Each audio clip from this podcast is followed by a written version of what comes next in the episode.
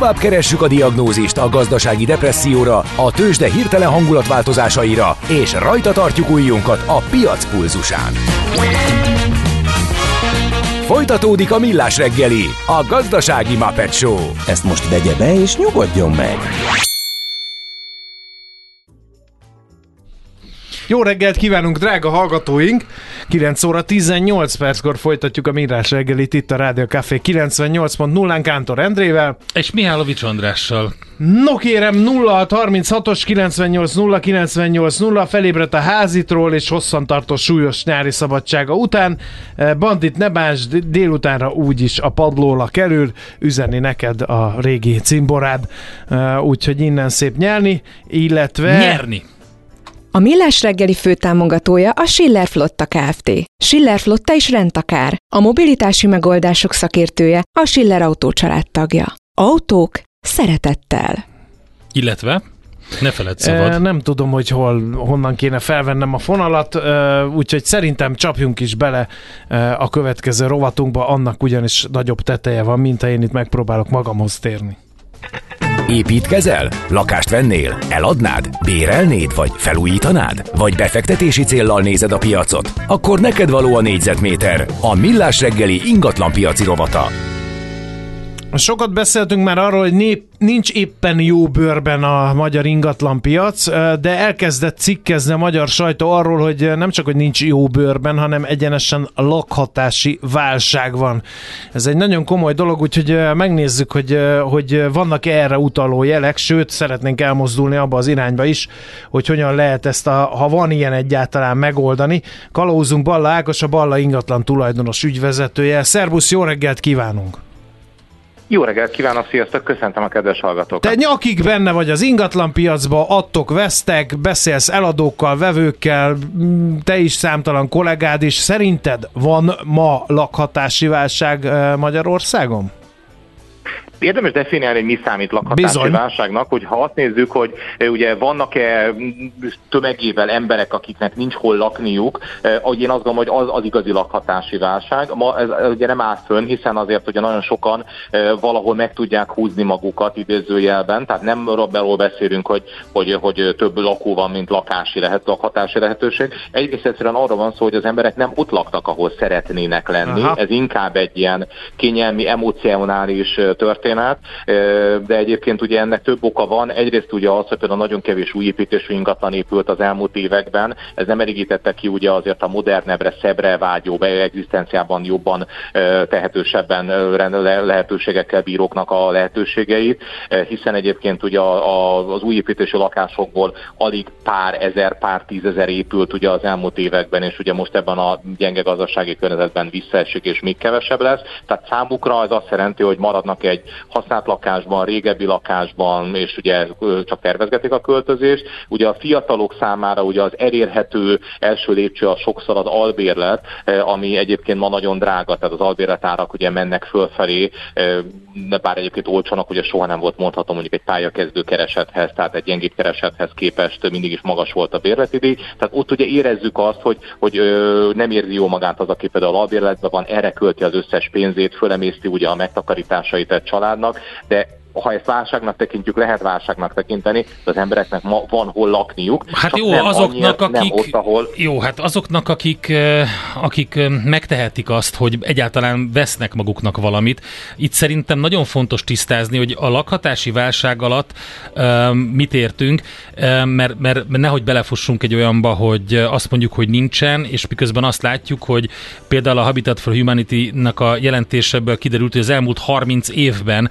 konkrétan megy megyünk le a lejtőn ebben a tekintetben. A lakásépítések száma csökken, a kormányzati lakás támogatási politika kiadást tekintetében csökken, és azoknak a száma meg nő, akik semmilyen szinten nem tudnak megengedni maguknak egy lakást vagy egy albérletet. A bérlakás program az gyakorlatilag ki van nyírva, úgyhogy azért ez a, ez a része, a szociális része a dolognak azért, azért elég kemény. A szociális részt akkor nézzük meg egy kicsit külön. Ugye vannak Magyarországon nagyon sokan, és sajnos nagyon sokan, akik ugye szegénységben, mély szegénységben élnek.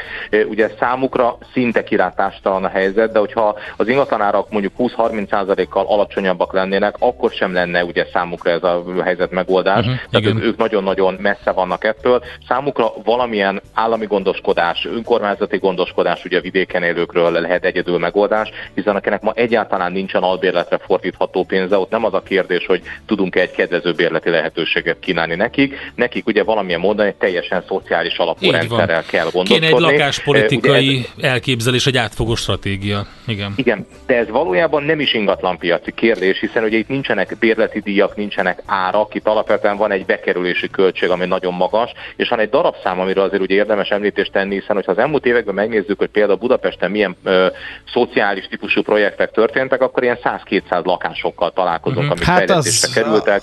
Az még szépség flastromnak sem a, igen, nevezhető. Viszont, van. viszont van egy nagyon érdekes felvetés, mert ugye mindig azt szoktuk mondani, hogy jó, jó az ingatlan piac, elegendő új lakás épül. De egy kicsit nézzünk e mögé, mert írja a hallgató például, hogy aki tehetős, az miért nem tud felújítani egy meglévő lakást valahol, az új építési őrület az, az nem tévút? Bár ő szerinte egy az, de engem a véleményed érdekel. Igen, csapongunk bizony. Csak akkor hadd egy vonalat, mert ugye a szociálisból ugye az új építése az ugye a két véglet. Ugye az egyik az, akinek semmilyen sincsen, és az államtól várjuk a gondoskodást, ugye ez a szociális, és ugye a másik véglet, amikor valaki azon, ahogyan az előbb említetted, azon ö, gondolkodik, hogy vegyen egy használt lakást, vagy egy újszerű lakást, és még szebbé varázsolja, és a saját igényeire szabja ezt, vagy vegyen egy vadonatújat. Hát azért ez a kisebbik problémakör ma a társadalomban, azt gondolom, tehát ezzel a problémakörrel még, még azért meg tudnak birkózni az emberek, miközben a másik meg ugye a társadalomra, az államra, az önkormányzatokra marad. Én azért azt mondom, hogy arra én nem tudok megoldást mondani, és ugye az előbb, amit mondtam, a szociális volumennél nem a száz, meg nem az ezer, hanem sajnos ugye a tízezer, százezer lakása volumen, és ez a szorzója annak, ami ugye a végén egy büdzsében, államháztartásban, költségvetésben megjelenő tétel kellene, hogy legyen, avagy ugye ma nincsen benne a szó. Tehát a szociálisról ugye ezt érdemes tudni, hogy ez a volumen, és ezzel kell foglalkozni, de az egy, az egy nem ingatlanpiaci téma ebből a szempontból. Az ingatlanpiaci téma, hogy az emberek, hogy mi, hogyha nem találnak megfelelő új lakást, akkor inkább az újszerű vagy a felújítandó ö, lakások felé fordulnak, és ebből varázsolnak valamit, ami szép.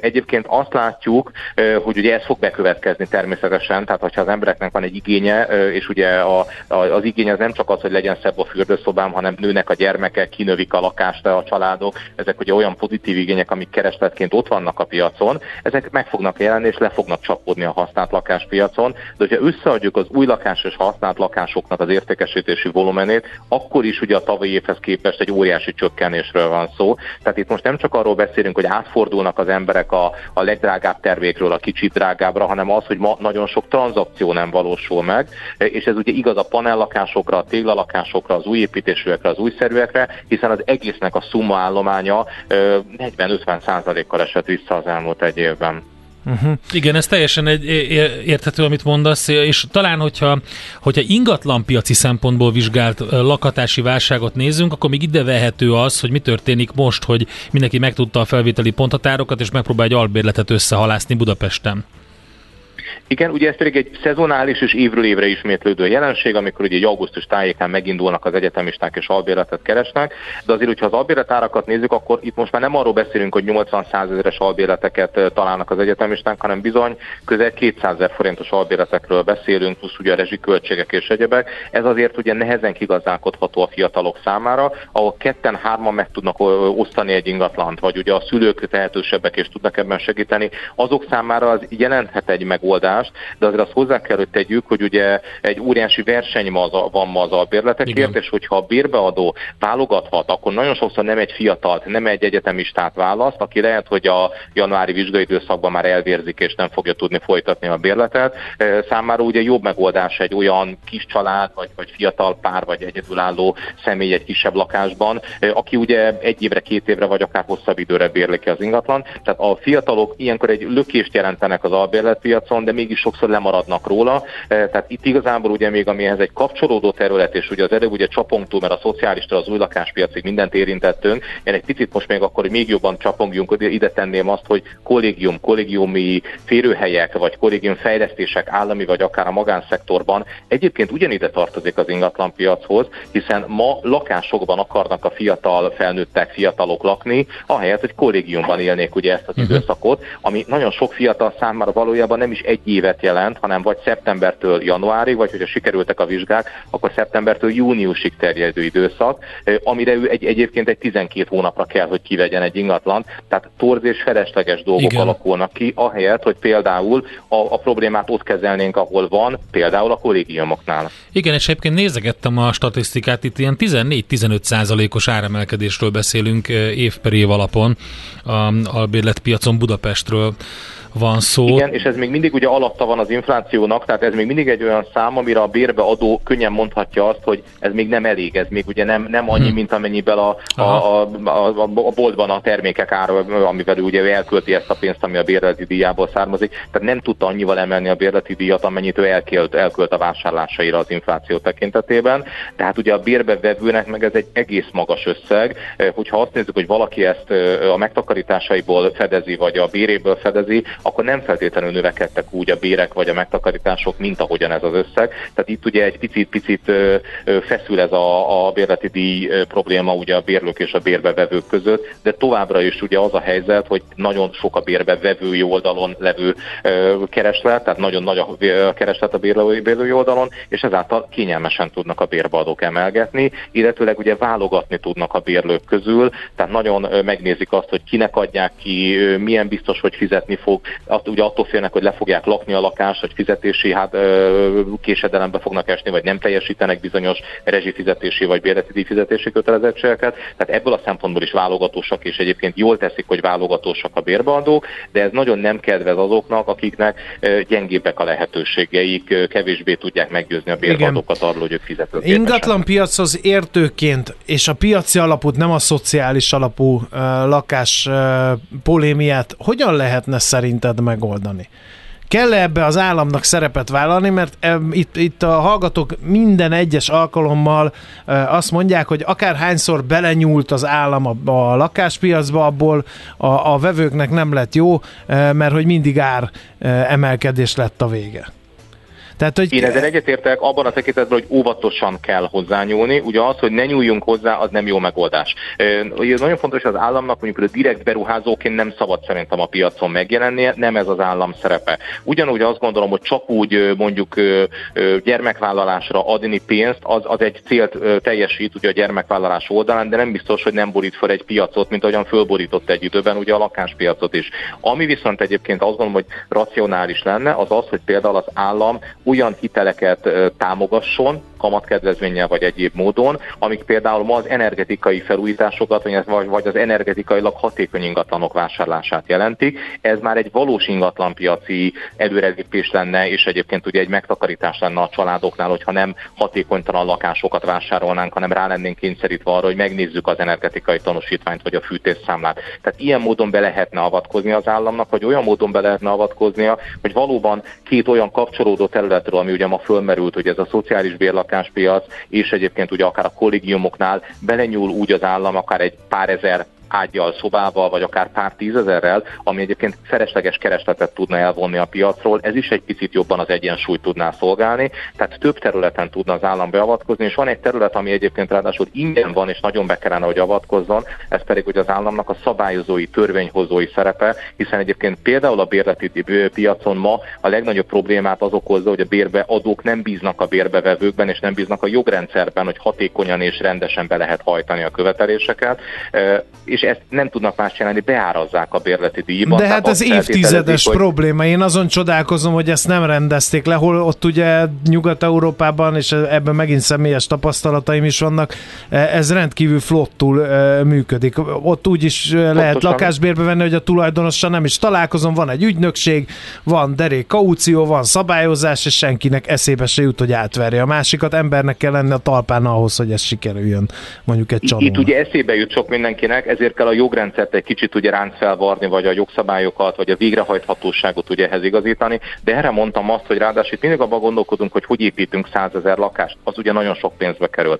De alapvetően a jogszabályokat helyre rakni, az kvázi ingyen van. Tehát azt gondolom, hogy van az államnak akár még egy gyengébb költségvetési évben is lehetősége arra, hogy szabályozza a piacot, és nem feltétlenül ö, torz módon, hanem egészen egyszerűen úgy, hogy oda kerüljenek a hangsúlyok, ahova kellenek, hogy kerüljenek. Tehát például, hogyha neked egy követelésed van bérbeadóként egy bérbevevővel szemben, akkor azt ez gyorsan és hatékonyan tudja érvényesíteni, nem pedig úgy, ahogyan hogy rémhíreket olvasunk az újságban, és ezek sajnos megtörtént történetek, hogy valakinek évek óta lakja egy idegen ember a lakását, nem fizet érte semmit, és nem tud vele mit kezdeni az ő korábbi bérbeadója. Ugye ilyen nem szabadna, hogy előforduljon, mert ameddig ez előfordul, addig ez legalább 10-20%-os növekedést jelent, vagy, vagy egy puffert jelent a bérleti díjakban, hiszen a bérbeadó fejben azzal kalkulál, hogy valami úgyse lesz kifizetve itt ebben az időszakban. Hákos hiánypótó beszélgetés volt, köszönjük szépen, hogy nagyjából csapongva bár, de szerintem azért elég sok fontos pontra rávilágítottunk ebben az ügyben. Köszönjük szépen, jó munkát nektek, szép napot! Köszönöm, köszönöm szépen nektek is, sziasztok! Balla Ákossal beszélgettünk a Balla ingatlan tulajdonos ügyvezetőjével, a lakhatási válságról, annak különböző aspektusairól és a lehetséges megoldásokról.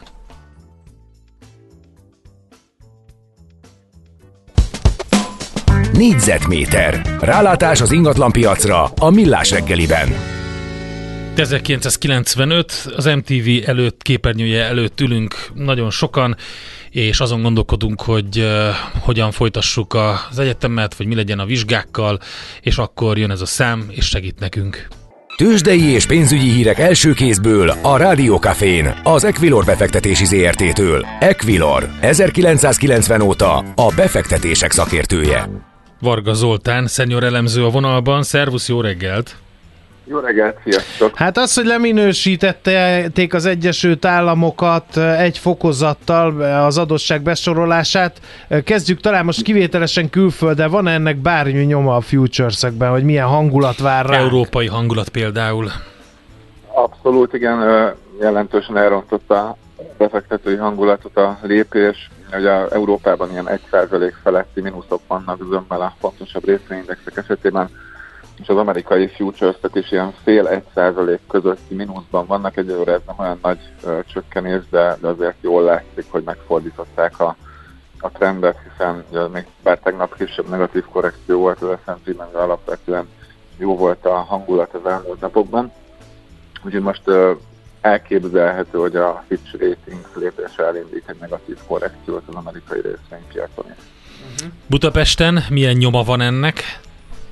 Egyelőre mérsékelt a csökkenést, a 0,26%-os mínuszban van a Bux Index. Azt kell, hogy mondjam, hogy ennél nagyobb esésre számítottam. Az OTP esetében mindössze 5 forintos csökkenés látható, 12.995 forint, itt 13 ezernél nagyon fontos ellenállási szint húzódik, egyelőre nem sikerült áttörni. A Molna 8 forintos mínusz 2784 forint, a Richter 60 forinttal esett vissza 8875 forintra, a Magyar Telekom pedig 1 forintra, 422 forintra, tehát egy ilyen nagyon pici nagyon pici technikai jellegű. Hát majd meglátjuk, mi történik meglátjuk, később. begyorsul. A forgalom, hát a, a forgalom még, ja, még igen, egy forgalom. kicsit, mert ugye ilyenkor is változó. Van, ahol meghökkentően e, jó forgalmi adatok jönnek már itt a nyitás után, máskor meg épp, hogy csörgedezik a, a, a pénz a Budapest értéktőzsdén. Most épp melyik nap van? Hát igazából egyik sem, nagyjából kicsit átlag alatti, de, de nem olyan. Uh-huh. Akkor jó. 8-900 millió forint eddig az összforgalom. Jó. Forint? Nem forgalmat. A forint piacán pedig egyelőre csekély mértékű forint enyhülés látható a mai kereskedésben 389,09 az euró árfolyama és 353,83 a dolláré. Nyilván itt már fontos szinteknél vagyunk az euróforintban is, de nagyon sokat gyengült az elmúlt napokban, tehát elképzelhető egy megtorpanás negatív korrekció viszont ha áttöri majd ezt a 389 390 szintet, akkor, akkor újabb 10 forintos térni a felfelé. Ajaj, na jó, hát reménykedünk, hogy ez nem történik meg. Köszönjük szépen, jó kereskedés nektek! Én köszönöm a figyelmet, sziasztok! Varga Zoltánnal, szenior elemzővel beszéltünk a Budapesti értéktősdéről és a forint árfolyamáról. Tőzsdei és pénzügyi híreket hallottatok a Rádiókafén az Equilor befektetési ZRT-től. Equilor, 1990 óta a befektetések szakértője. Hamarosan olyan szuper, szuper zöld rovatunk, amelyben tűzről lesz szó, pusztulnak természetvédelmi területeink. Előtte azonban hallgassuk meg, hogy mit érnek el a forint, amikor az összes régiós deviza sokkal jobb helyzetben van, mint ő. Zárójelbe hozzáteszem, hogy nem mehet el egy olyan hét, amikor nem szólal meg a nyár slágere. Milyen legyen a jövő? Az oké, okay, hogy zöld, de mennyire? Totál zöld? Maxi zöld? Fantasztikusan zöld? Hát semmiképpen sem szürke, még 50 árnyalatban sem. Superzöld, a millás reggeli környezetvédelemmel és természettel foglalkozó rovata következik. A Superzöld rovat szakmai együttműködő partnere a zöld mandátummal rendelkező Magyar Nemzeti Bank és a Budapesti Metropolitán Egyetem. Kicsit az erdőtüzekről, vagy vegetációtüzekről lesz szó, és ennek a természet környezetvédelmi vonatkozásairól. A másfél fokon jelent meg erről egy remek elemzés dr. Kisanna Tollából, ő meteorológus, a földtudományok doktora, az Ötvös Lorán Tudományegyetem meteorológiai tanszékének tudományos munkatársa. Itt van velünk a vonal túlsó végén. Jó reggelt kívánunk! Jó reggelt kívánok, üdvözlöm a hallgatókat. Úgy tűnik így a híradásokat szemlézze, hogy ezek a vegetációs tüzek, ezek mintha gyakoribbak lennének az elmúlt években. Adatsorokkal alá lehet támasztani ezt a tendenciát, hogy egyre több van ezekből? De egyrészt igen, ez egy nehéz feladat, amiatt, hogy a, a feljegyzések azért hiányosak, tehát mondjuk az évszázad elejé, a 20. század elejéről nincsen túl sok információnk, főleg ugye műholdak segítségével tudjuk ezt igazán jól monitorozni, ami az 1970-es évektől kezdődően áll igazán rendelkezésünkre, úgyhogy emiatt nehéz egy egyértelmű tendenciát mondani, de mondjuk ha az elmúlt néhány évet tekintjük, akkor azért az tényleg kitűnik, hogy, hogy talán intenzívebbek és gyakoribbak lettek ezek az események, vagy pusztítóbbak, uh-huh. mint a korábbiak. És mindenki elszörnyűködve nézi, hogy lángolnak az erdők, de e, milyen erdőkről van szó? Lehet-e e, tudni, hogy ez mondjuk mekkora terület, e, ezek milyen művelési ág alá esnek, e, ezekről van-e adatsor? A területről mindenképp igen, így az év lezártával ugye rendelkezésre állnak adatsorok, illetve nagyjából havi bontásban is van a, az európai Kopernikus oldalon lehet ezeket követni. A tavalyi évben Európában nagyjából 80 ezer hektárnyi terület égett le, és ennek egy nagy része az természetvédelmi besorolású volt Natura 2000-es terület. Uh-huh. Uh, mekkora arány azt lehet tudni? Nagyjából a fele Aha. volt uh, az, az is érdekes lehet, hogy mely részei érintettek Európában elsősorban. Úgy tűnik a híradásokból, ugye a görög szigetekről jött legutóbb, onnan kellett kitelepíteni turistákat is, tehát annyira elharapoztak ezek a tüzek, hogy ez elsősorban a kontinensnek a déli felét érinti. Igen, pontosan, tehát elsősorban Dél-Európa érintett, Spanyolország, Portugália, Olaszország, Görög, illetve Törökország, tehát ők már most elszenvedik ezeket a, az eseteket, és hogyha a jövőre vonatkozóan nézzünk klímamodell szimulációkat, akkor pont ezek azok a területek, amik még inkább kitettebbek lesznek a tűzeseteknek. Uh-huh. Egyrészt ugye a növekvő hőmérséklet miatt, ami mindenhol jelentkezik a kontinensen, másrészt pedig a, a csapadék eloszlásának a megváltozása, vagy mennyiségének csökkenése miatt, hiszen hogyha a nyári időszak az aszályosabb válik, akkor az ugye a szárazság a hőséggel kombinálva az igen kedvező a tüzeknek. Mennyire vannak ennek káros hatásai ökológiai szempontból ezeknek a tüzeknek? Mert oké, okay, gazdasági károkat is okoz, de talán keveset gondolunk bele, és ezért volt melbevágó, hogy majdnem a leégett területeknek a fele Natura 2000-es természetvédelmi terület, hogy ez, ez nagyon komoly csapást mér, mér a, a természetre is, amit aztán gondolom nehéz pótolni.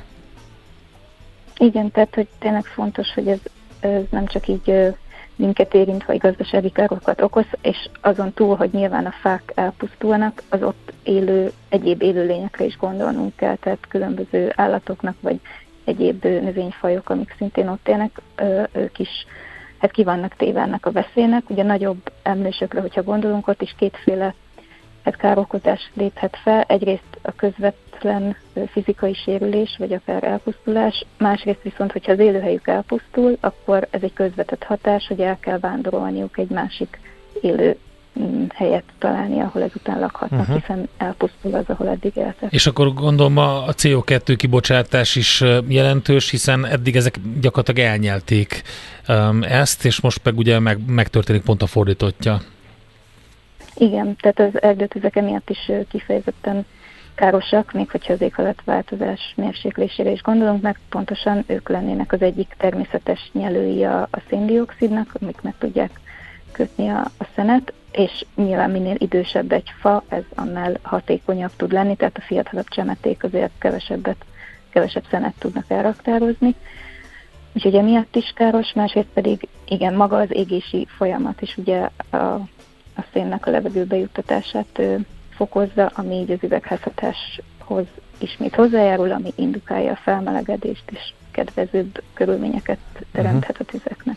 Uh, nagyon Dél-Európáról beszéltünk. Magyarország mennyire érintett ebben? Mert ugye nálunk azért nem ezzel vannak tele a hírek, hogy itt-ott, ott kigyulladt valami, meg ki kellett telepíteni embereket. Nálunk mi a helyzet? Erről van adott sor?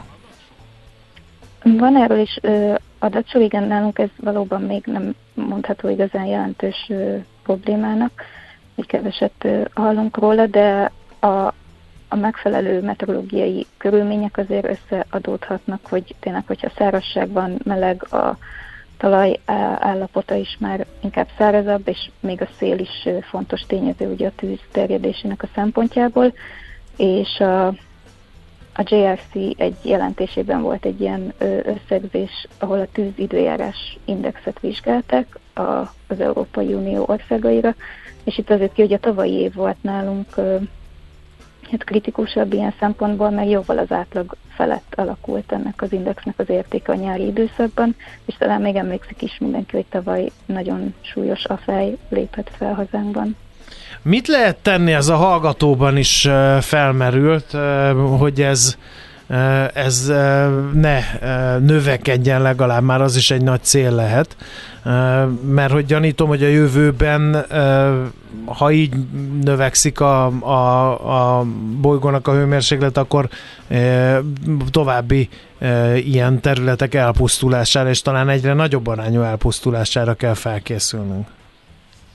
Igen, tehát a körülmények sajnos adottak, de valóban lehet azért mérséklést vagy alkalmazkodási intézkedéseket bevezetni. Itt egyrészt gondolhatunk arra, hogyha mondjuk újabb erdőket telepítenek, akkor ott úgy választják meg a fajtákat, hogy mondjuk az kevésbé gyúlékon legyen, vagy eleve nagyobb legyen a, a biodiverzitás, és különböző fajokat telepítsenek egy helyre.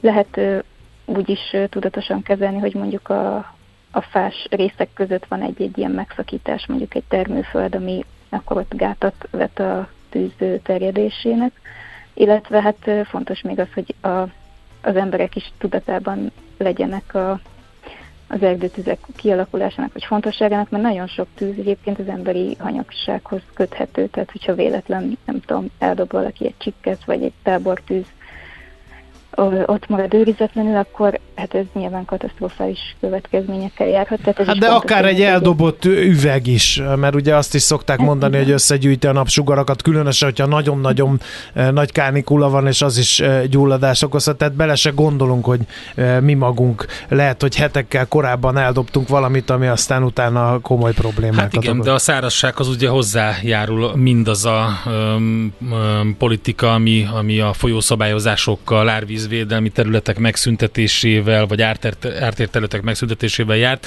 és ide jutottunk most, tehát ugye egy kicsit nehéz innen visszavenni, és megpróbálni um, csillapítani ezt az egészet, nem is tudom, hogy hogy lehetne. Hát, mm, valóban nehéz kérdés, de nagyjából ezek azok, amiket mi megtehetünk így egyéni emberként, hogy tényleg odafigyelünk uh-huh. ezekre, hogy semmiképp ne mi okozzunk esetleg tüzet.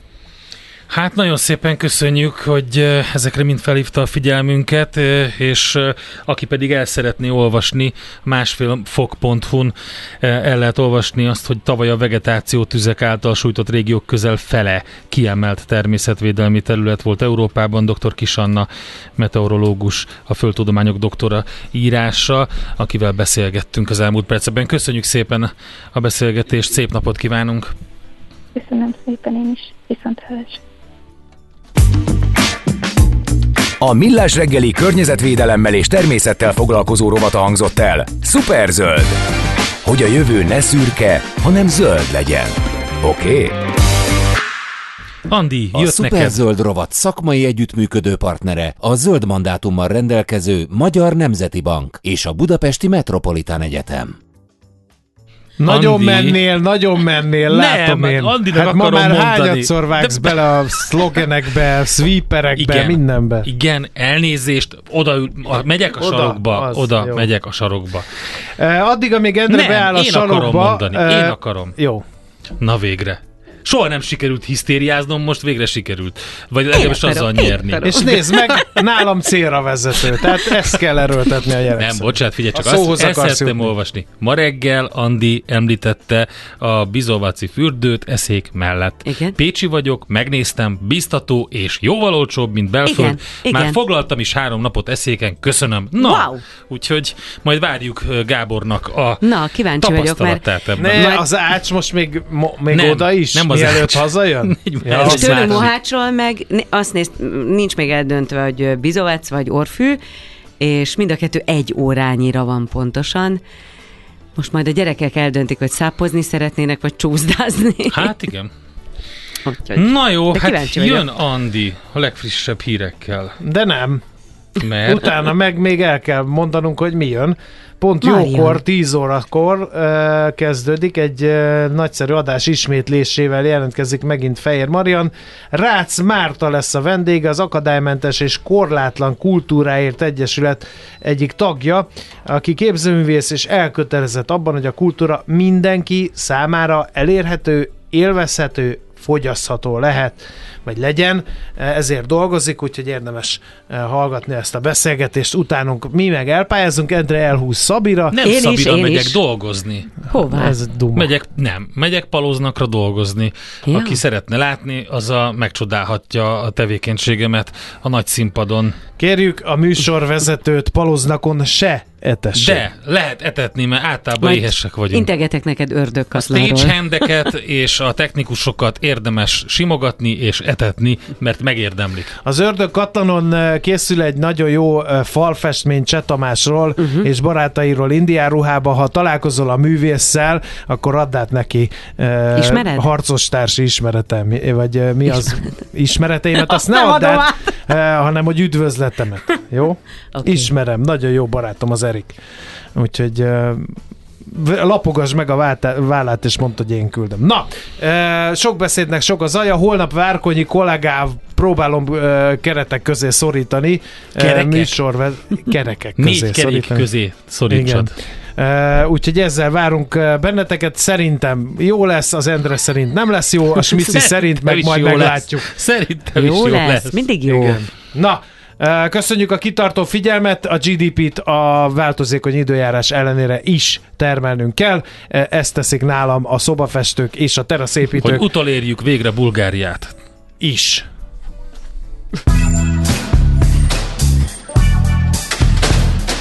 Már a véget ért ugyan a műszak, az ügyelet azonban mindig tart. A sürgősségi és félig zárt osztályon holnap reggel újra megtöltjük a kávésbögréket, és felvesszük a piaci stetoszkópot. Addig is keressetek minket közösségi rendelőnkben a Facebookon, a mai adás podcastjét pedig a rádiókafé98.hu és millásreggeli.hu oldalakon, a Spotify-on és a Google Podcast-en. Millás reggeli. A Rádiókafé gazdasági Muppet show Két dologban bízhatsz.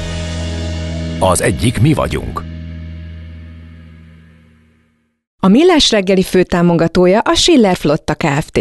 Schiller Flotta is rendtakár. A mobilitási megoldások szakértője a Schiller Autó tagja. Autók szeretettel.